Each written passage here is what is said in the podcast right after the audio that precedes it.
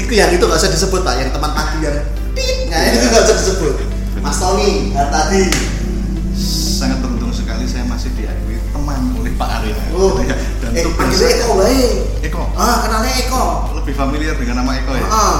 Dan tugas saya hari ini adalah sebagai konfirmator sekaligus merosting. gitu ya betul, konsepnya. betul. Ya. Nah, ini kebetulan beliau berdua ini adalah eh, apa namanya dulu pernah satu satu, Satu kerjaan kandang. bareng, Satu kandang. satu kandang, satu kandang yang sama, cuma beda posisi.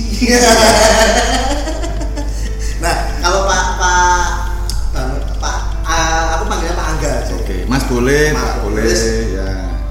Mas Bro, nah, Mas Bro Angga. Ya. Mas Bro. Kalau Anak- jenengan anak muda. kalau jenengan cuk Tit ya. Sendiri ya dewe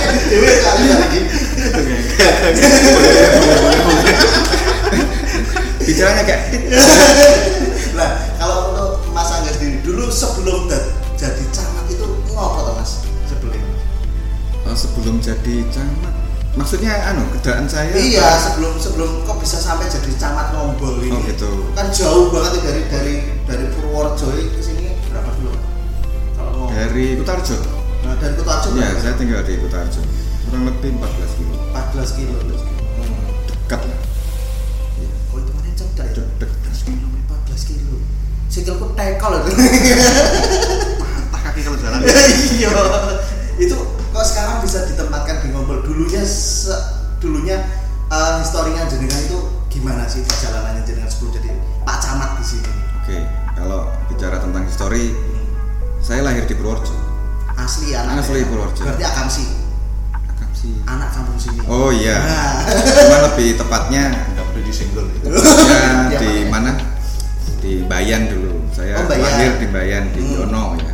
Tanah tanah kelahirannya di Jono. oh Jono Ya. oke Kebetulan orang tua juga sama-sama PNS. oh PNS PNS. Cuman kebetulan dulu eh, apa? Tugasnya berpindah-pindah terakhir di Jawa Barat. terakhir Jawa Barat Jawa Barat. Jawa Barat ya Di dulu di Dedak. Oh Dosen. oh dosen Bapak saya dosen. oh Nah, kemudian proses berjalan. Hmm. Ceritanya yang boleh sekolah, cari Oke. sekolah, cari apa? Tujuan hidup lah. Daftar kuliah dua kali UMPTN, alhamdulillah. Yang pertama biasa kan.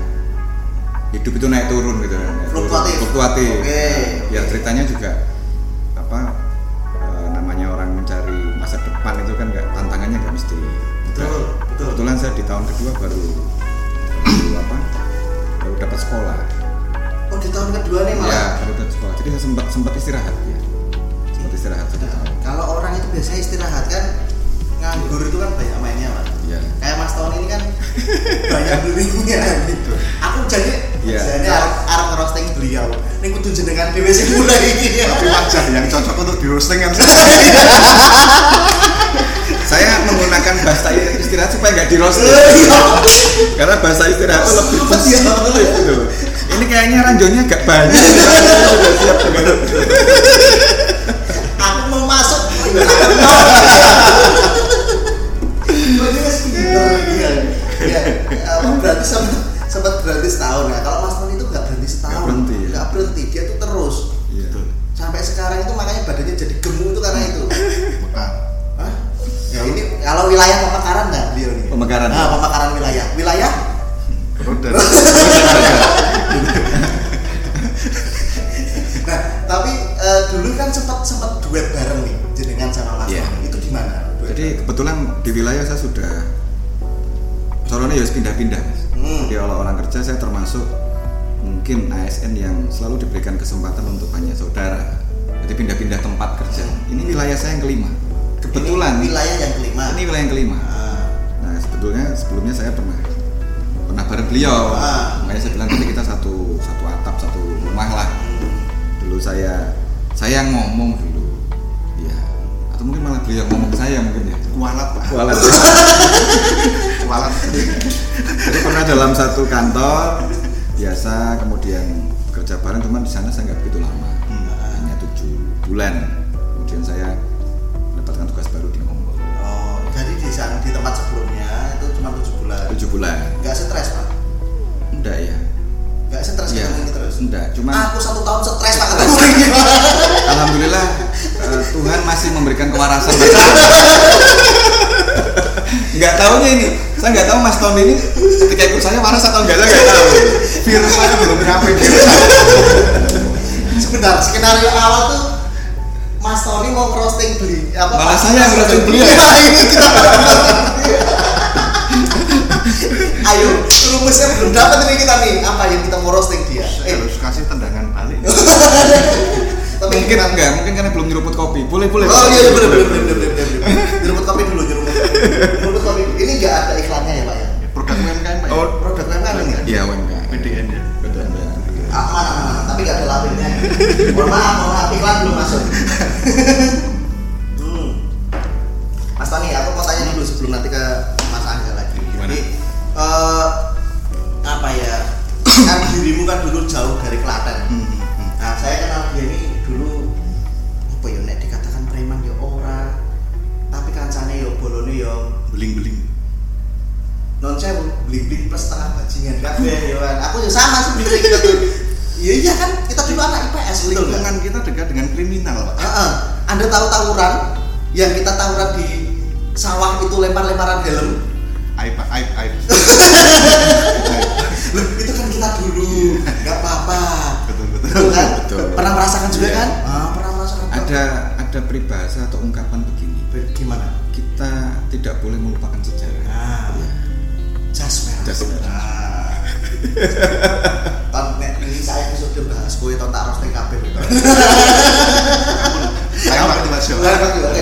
oke. Ini bisa. Tapi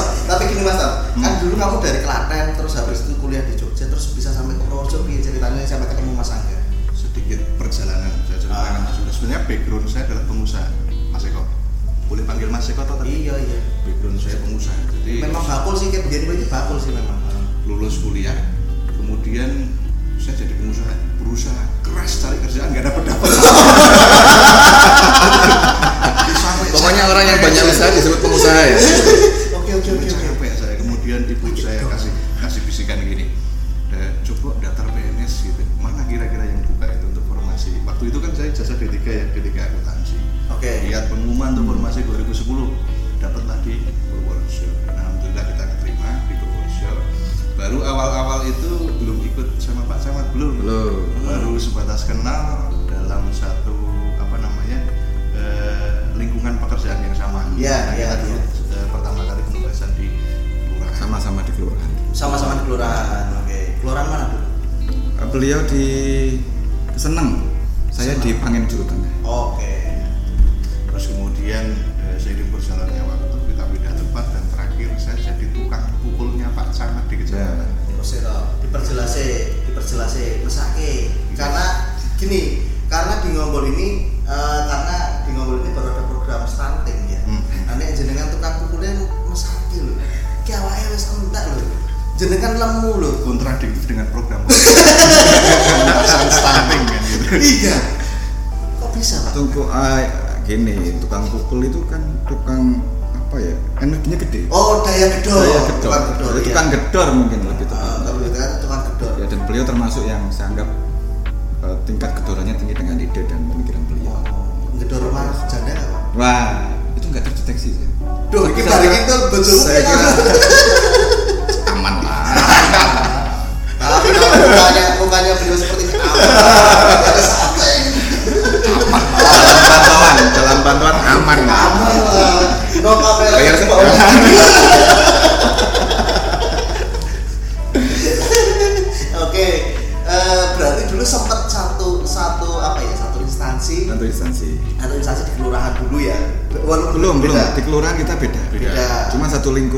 urusan yang kita tangani kewilayahan. Nah, ketemu tahun berapa? Berapa ya? 2011 sudah ketemu. Nah, 2011 2000? masuk 2011. 2011 sudah ketemu. 2011 Sudah, ya. Nah, sudah. Saya masuk di kelurahan 2010, kebetulan Mas Tony ini kan dulu saya PNS 2011. Oh, 2011. Ya. Oke. Saya banyak belajar dari beliau. Belajar terkait dengan birokrasi, bagaimana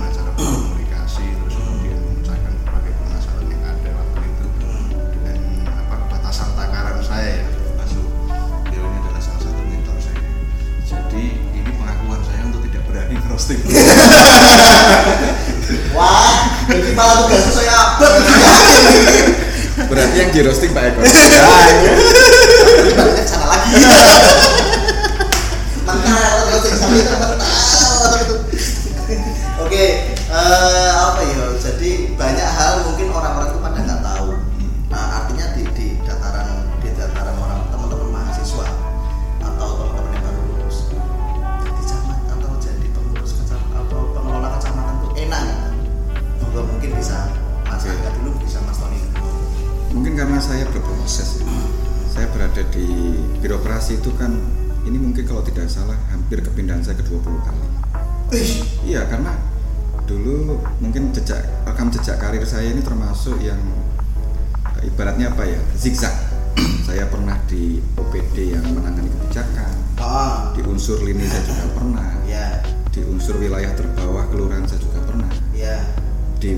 saya sudah lima wilayah.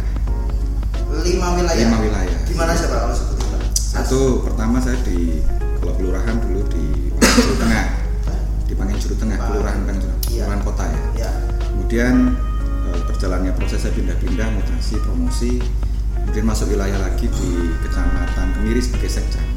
sekcam Sekcam Kemiri? Kemiri. Oke.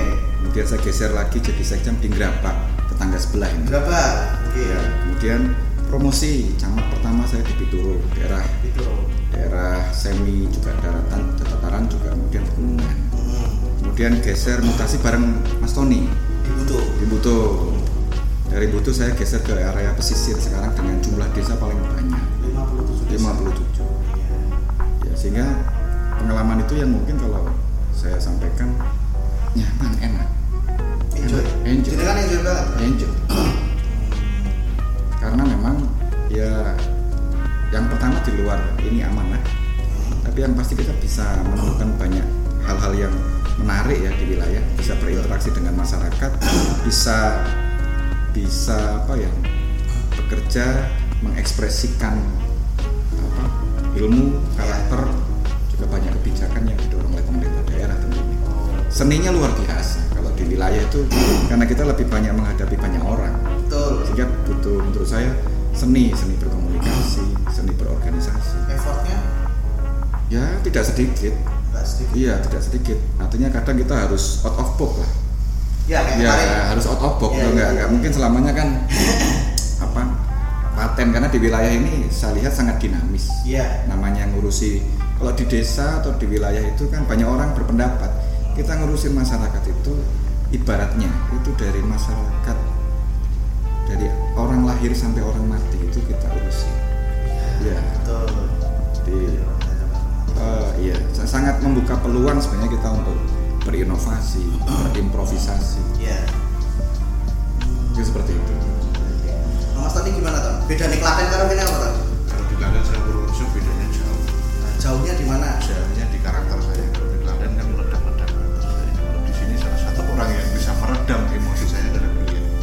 eh Ini beneran ini saya orang bohong. cari aman terus loh kan Karena nanti pada akhirnya mental roastingnya ke sini kan.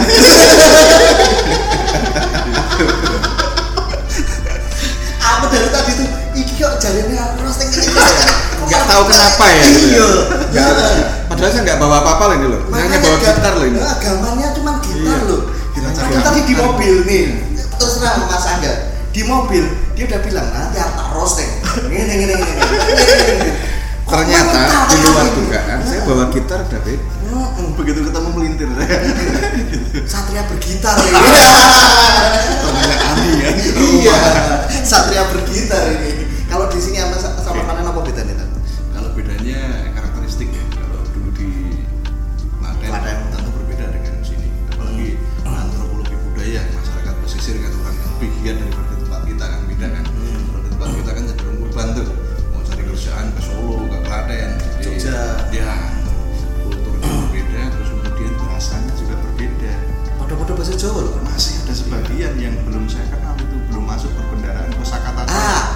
Contone?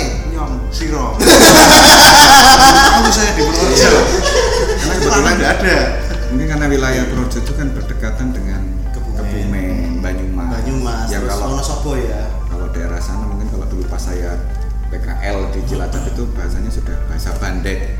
Kalau teman-teman bandek, Bandek. Cilacap kalau enggak mungkin ngapak. Hmm. Apa? Sehingga agak yang tadinya O jadi A udah agak ngulon sedikit. Sebenarnya tidak terlalu berbeda. Dan ini masih ada campuran sama Jawa Tengahnya. Ya, ada sesuatu. logat dialektikanya juga masih dialek Jawa Tengah Oh, itu yang uniknya di wilayah. Jadi sampai Oh, kadangkala bagaimana kita bisa membumi Hmm. masyarakat dari sisi komunikasi memang jadi faktor penting juga. iya. Apalagi kami-kami ini kan anak-anak muda Iya. yang mohon maaf ya, anak muda itu kan terkenal mungkin serogol-serogol. Apa tuh, Mas? Serogol-serogol itu ya main tabrak cepat, Oh, iya, iya, iya. pas-tes gitu kan. Iya. Sedangkan kalau di wilayah kita kadang-kala harus sabar, harus Ngomong. Iya, kalau nawan tapi juga temoto kan gitu ya. Iya. Hmm, gitu, gitu, gitu. Nah ini terus eh, sebenarnya gini, banyak orang juga selalu bertanya-tanya sama ya pertanyaannya tuh bermacam-macam ya. Hmm. Orang muda biasanya kan kecamatan ini ini ini apa ya? Bukan paradigma tapi lebih kepada eh, apa namanya eh, tanggapan orang tentang tentang kinerja kelurahan, kecamatan itu kan orangnya nggak pernah sansep.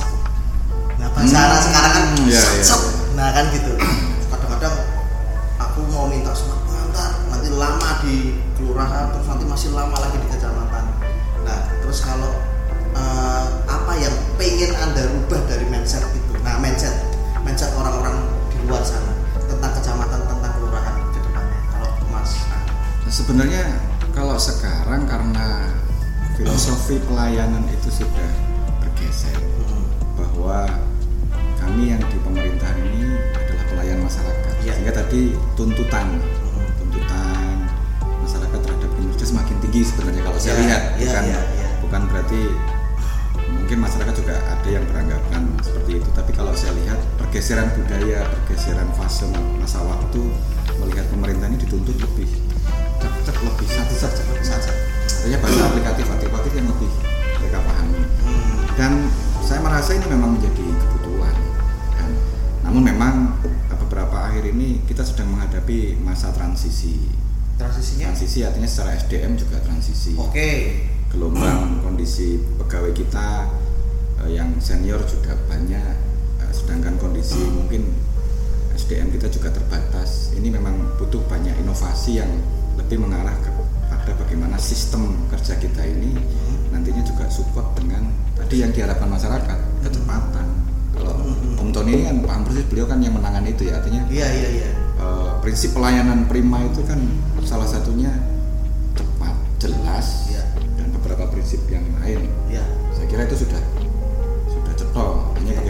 kemudian eh, kami sebagai pemerintah juga harus harus terbuka terhadap tadi Oke. tidak hanya masukan tapi Ya. mungkin juga anggapan masyarakat hanya bagaimana nanti kemudian kita berinovasi membangun sistem yang baik saya kira jawabannya di situ Tapi Mas Tony ini sekarang kalau di di Butuh sana jadi apa? kalau sekarang kalau waktu sama Pak Angga saya membersamai kasih pembangunan sekarang juga masih kasih pembangunan Pembangunan. ya jawab dulu nih dengan indikator yang yang bisa kita pertanggungjawabkan Iya. ketika Ah. saya membersamai beliau di semester 2 tahun 2022 nah ini ada satu instrumen yang digunakan untuk mengukur Mengukur apa tuh? kinerja pelayanan publik Oke. Kepuasan. Nah, Kepuasan. betul. Indeks kepuasan itu ya. Ya. semacam. hal itu banyak yang pakai banyak kita disepelekan Oke. bagaimana mengukur yang namanya kepuasan nah beliau ini tadi saya bilang tukang gedor. Beliau bisa berpikir bahwa ini salah satunya menyebut tugas saya. Bahwa penting kita harus mengukur yang namanya kepuasan masyarakat. Iya. tidak hanya sebatas formalitas. Iya. ya dan itu sebagai sebagai salah satu upaya kita untuk mengkoreksi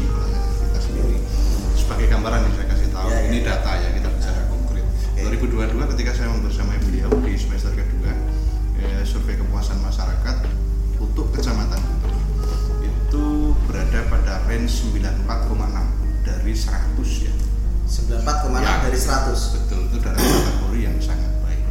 baik sekali malah Betul. Iya. baik sekali karena di atas 90 loh Betul. kalau masih 89, koma sekian itu kan masih abu-abu ya dan paradigma tadi yang di depan sudah disampaikan seperti patologi birokrasi pelayanan Iya, lambat iya, menunda dan lain sebagainya insya Allah menurut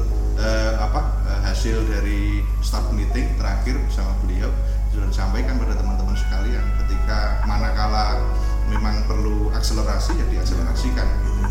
dan itu sudah sudah kita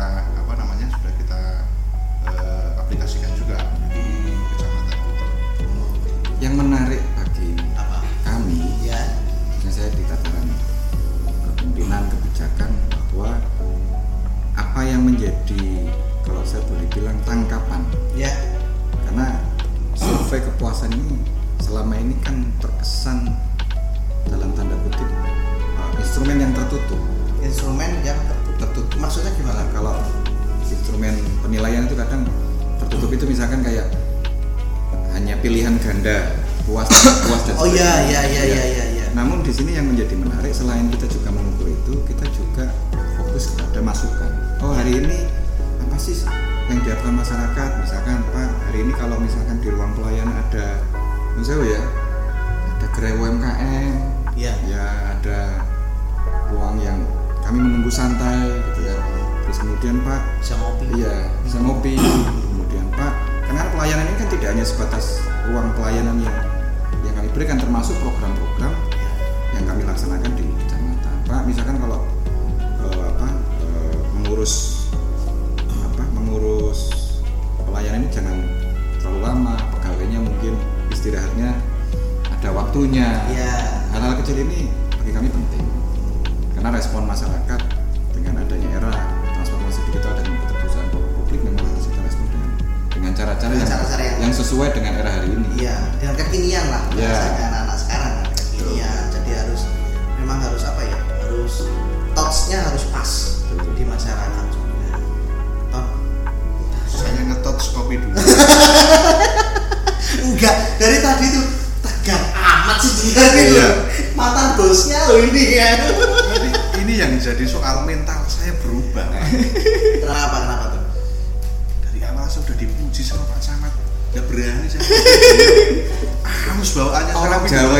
Itu Pak. iya, orang Jawa itu menangnya kalau dipangku. Jadi nggak jadi merosting. Malah kerja aku Iya, dia. baru kali ini kan. Iya. Padahal Ini ini sudah- bedanya orang wilayah itu seperti itu. Iya, iya. iya. Sudah saya siapkan prajurit itu Pak Tris. Saya nggak mau masuk frame beliau. Pak Tris juga bisa ini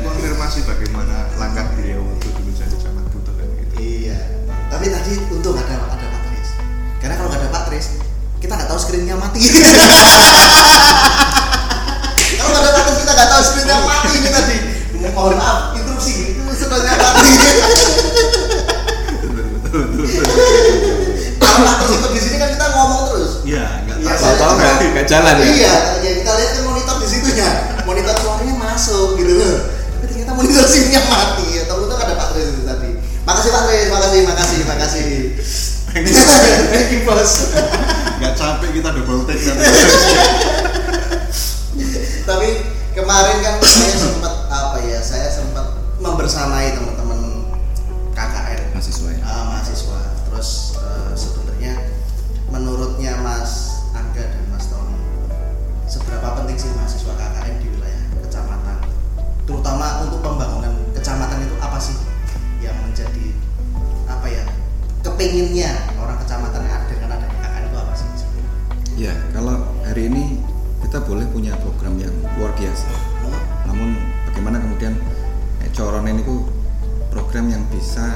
dimaknai hmm.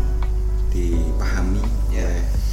banyak komponen yeah. jadi saya lebih senang kalau ngobrol sama teman-teman kantor teman-teman desa itu saya tidak tidak mendahulukan yang nama bahasa penyepakatan itu tidak tapi lebih ke arah kesepahaman kesepahaman ya okay. karena karena saya lihat tugas kami para pimpinan ketika membawai banyak staf dan masyarakat itu yang utama adalah membangun kesepahaman dulu membangun kesepahaman kesepahaman sama-sama paham baru bagaimana program itu akan kita jalankan bersama.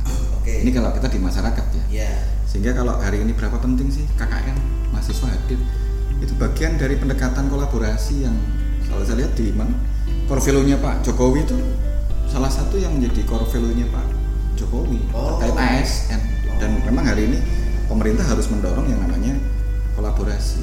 Kolab- ada pendekatan kolaborasi yang selama ini juga tren yaitu pentahelik di mana akademisi itu hadir di bagian dari program-program pemerintah makanya kalau ketika ada kegiatan-kegiatan KKN dari kampus mana pun kalau kami berkesempatan sempat diskusi lah gendu-gendu rasa kalau iya iya masyarakat bilang ya kita diskusi dulu jangan sampai nanti adik-adik kita ini yang berkesempatan untuk di masyarakat mereka nggak punya kenangan yang baik Iya. kemudian apa sih yang mereka ingin pelajari bagaimana Iya. nanti pemerintah desa bisa menangkap program-program kerja yang disampaikan oleh Teman-teman. oleh iya oleh akademisi dan memang masyarakat kita juga harus kita ajari bagaimana berlatih. Berlatih berkolaborasi. Karena jujur saja eh, masyarakat Purworejo saya lihat semangat mereka untuk untuk membangun sangat tinggi. Sangat tinggi sangat iya. tinggi. seiring dengan kemudian jiwa berkompetisi juga sangat tinggi. Tapi kami juga mengajarkan teman-teman bagaimana tidak hanya berkompetisi untuk kebaikan tapi bagaimana membangun yang namanya eh, kolaborasi tadi itu. Hmm. dengan hadirnya adik-adik ini kan luar biasa ya. Iya iya. Tidak hanya masyarakat ditemani mereka juga dapat masukan program kegiatan. Iya. luar biasa lah. Jadi memang harapannya apa ya mahasiswa KKN ini bisa memberikan saling memberikan kontribusi gitu berarti gitu iya. Karena kan ada banyak juga teman-teman mahasiswa itu yang belum pernah merasakan Dojewo tinggal di, di masyarakat? Di masyarakat. Dan berhadapan langsung dengan masyarakat yang biasanya kita hanya belajar teori ya, keilmuan padahal kan tadi ada seni yang harus kita jalankan betul betul iya. Mas Tom? kadang di wilayah itu Pak Camat tadi nyanyi-nyanyi bareng nah itu yang dibutuhkan karena ma- masih belum banyak yang cair loh kayak gitu. Karena Pak Camat tadi menyampaikan kesepemahaman dulu kan gitu. Nah, saya coba untuk memahami menurut opini saya. Nah, Ini- ini teknis. Ini teknis nih. Eh, dan sependek eh, apa pengalaman saya Iya. di kecamatan itu ya karena kita membawa desa-desa. Eh, saya coba untuk memahami kebutuhan yang mungkin bisa diimplementasikan gitu ya. Karena sebenarnya semangat eh, rekan-rekan kecamatan ini adalah mendorong desa-desa untuk bisa lebih berdaya saing dan mandiri. berdaya saing dan mandiri, Nah, betul. oke oke Nah, salah satu akselerasi yang bisa masuk di situ adalah peningkatan kinerja BUMDes. Bumdes bumdes bumdes oke Terus kemudian yang berikutnya terkait dengan perkembangan teknologi informasi. Ya. transformasi digital Transformasi Membaca situasi yang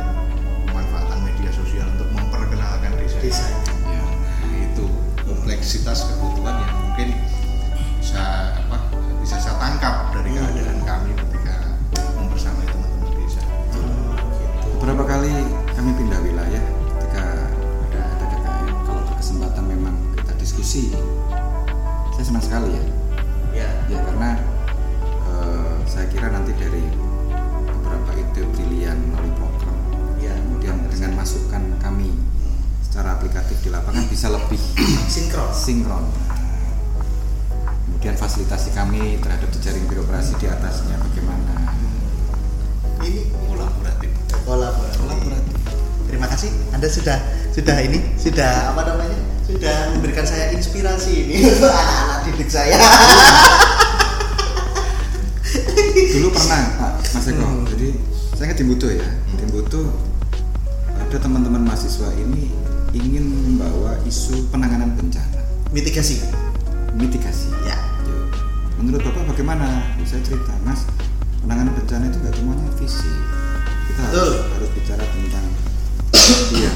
mitigasi bicara tentang bagaimana mekanisme assessment ya bagaimana pemberdayaan masyarakat. Berarti apa yang kami harus lakukan pak? Bisa mas. Nanti kita bikin sosialisasi pelatihan pembentukan relawan. Mungkin ada teman-teman dari teman-teman teh Ya. informatika bisa membuatkan semacam aplikasi cepat pelaporan ya untuk assessment yang bisa sounding ke instansi terkait. Ya. karena kelemahan-kelemahan permasalahan itu tadi benar. Benar masalah ya bahwa setiap permasalahan memang harus kita identifikasi dulu kebutuhannya apa ya masalahnya apa. Dan jujur saja eh, kita terkadang di pemerintah ini ya memang masih ada kelemahan-kelemahan di aspek itu. Ya Di sinilah peran akademisi yang mungkin adanya adik-adik eh, juga dibutuhkan. dan bahkan sebenarnya aplikatif ya nah harus dibutuhkan saya sempat ya ada kemarin salah satu teman teman rekan-rekan KKN ke saya. Hmm, hmm, itu tanyanya gini sebenarnya pak saya itu dari fakultas hukum. Hmm. saya bingung mau program apa. Giliran saya tanya ke desanya oh butuh program apa? Lah perdesku ya urung. Oh iya. perdesku tuh butuh di ini direnovasi dan sebagainya. Lah saya balik lagi ke mahasiswanya. Lah kamu udah tanya desa belum kebutuhannya apa? Belum. Ya, menurut pemerintah artinya jajaran kami ini berat. Tapi mungkin di versi akademisi ini mudah. Contoh kemarin saya sempat ya, saya, Hmm. saya pada saat Iya, iya, penerimaan saya iya, sampaikan iya. mungkin teman-teman kami desa ini butuh ilmu, Iya. pemahaman mengenai legal drafting. legal drafting betul legal drafting atau mungkin kalau teman-teman yang di kan kalau jurusan hukum ada notariat Notariat, betul.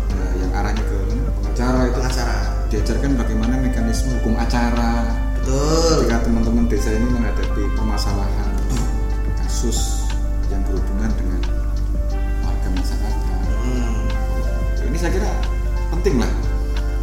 Oke, teman-teman KKN kalau lihat ini mesti langsung woi ini dan banyak sekali ide yang Iya. sebenarnya dengan pendekatan kolaborasi dan pentahelik ini kita bisa berdiri di posisi masing-masing. Ya, dengan latar belakang kita tapi bisa kita satukan dalam satu program yang nanti semua unsur ini bisa yang bareng jalan. Iya.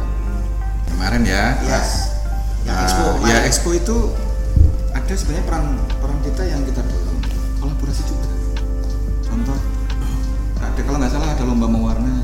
Ya, ada ada promosi paket pariwisata. Terus ada lomba hadroh yang hari ini. lomba hadro kalau kemudian tadi kalau expo ini hanya berfokus pada UMKM jualan saja ya hanya hari itu tapi kemudian karena desa yang kemarin expo ini adalah desa wisata edukasi. iya di mana kalau desa wisata itu tidak hanya destinasi tapi aktivitas potensi banyak hal yang saya yakin juga berkaitan dengan komponen lain ini kesempatan baik sebenarnya bagi teman-teman desa untuk bisa membangun jejaring Iya, ya, iya. Memba- Membangun jejaring dan membangun ya berkolaborasi dengan beberapa pihak-pihak terkait yang berkepentingan yang berkepentingan.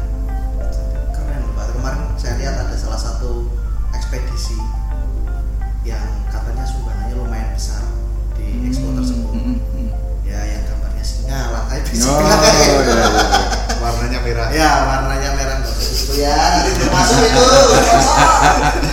Bang Denny Sumargo.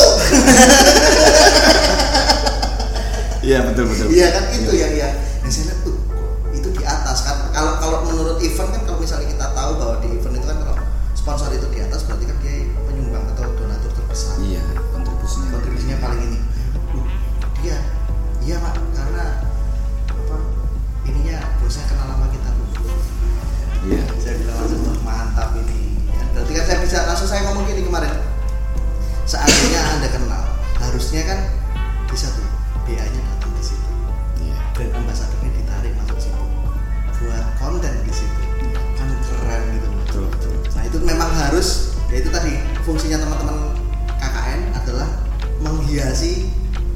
biar makin menarik untuk mendatangkan BA-nya. branding ya Branding. Nah, gitu.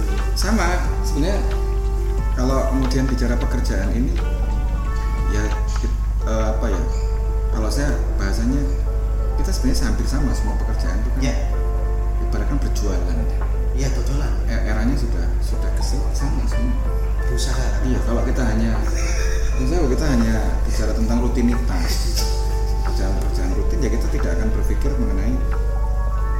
peningkatan kualitas, Kualitas. manajemen mutu Ya. manajemen risiko Ya. Berarti eh, sudah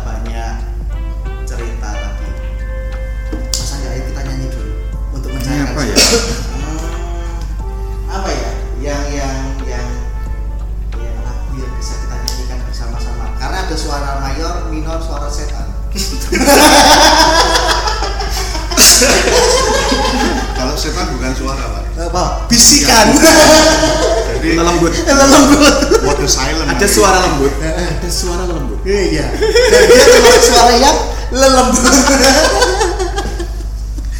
Karena karena gini karena Mas Camat ini tuh apa ya senang senang berdendam.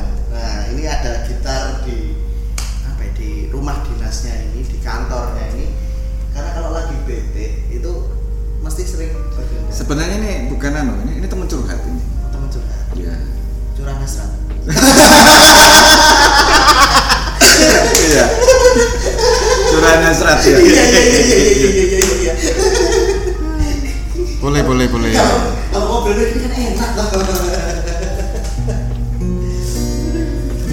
uh, lagunya agak melo-melo nggak apa-apa ya? Melo, melo nggak apa-apa. Melo nyanyi gitu ya? Melo nyanyi. Melo itu melu, melu itu melu. melu. Ya, melu. Sebuah lagu dari siapa ini penyanyinya Siapa? Budi Doremi Budi Doremi. Mesin Wah, Waktu. Mesin waktu. Ini adalah kesenangan beliau ini Iya, ya. iya. Lagu wajib lah. Lagu wajib, lagu wajib. tapi ini Pak Eko dan Mas Sony harus nyanyi Oke sih. Kita Iya, suara kan. lembut pak. Eh, Bisik-bisik kita. Sik. oh kuncinya salah ganti kunci dulu Pak Tris, kunci Inggris Pak Tris.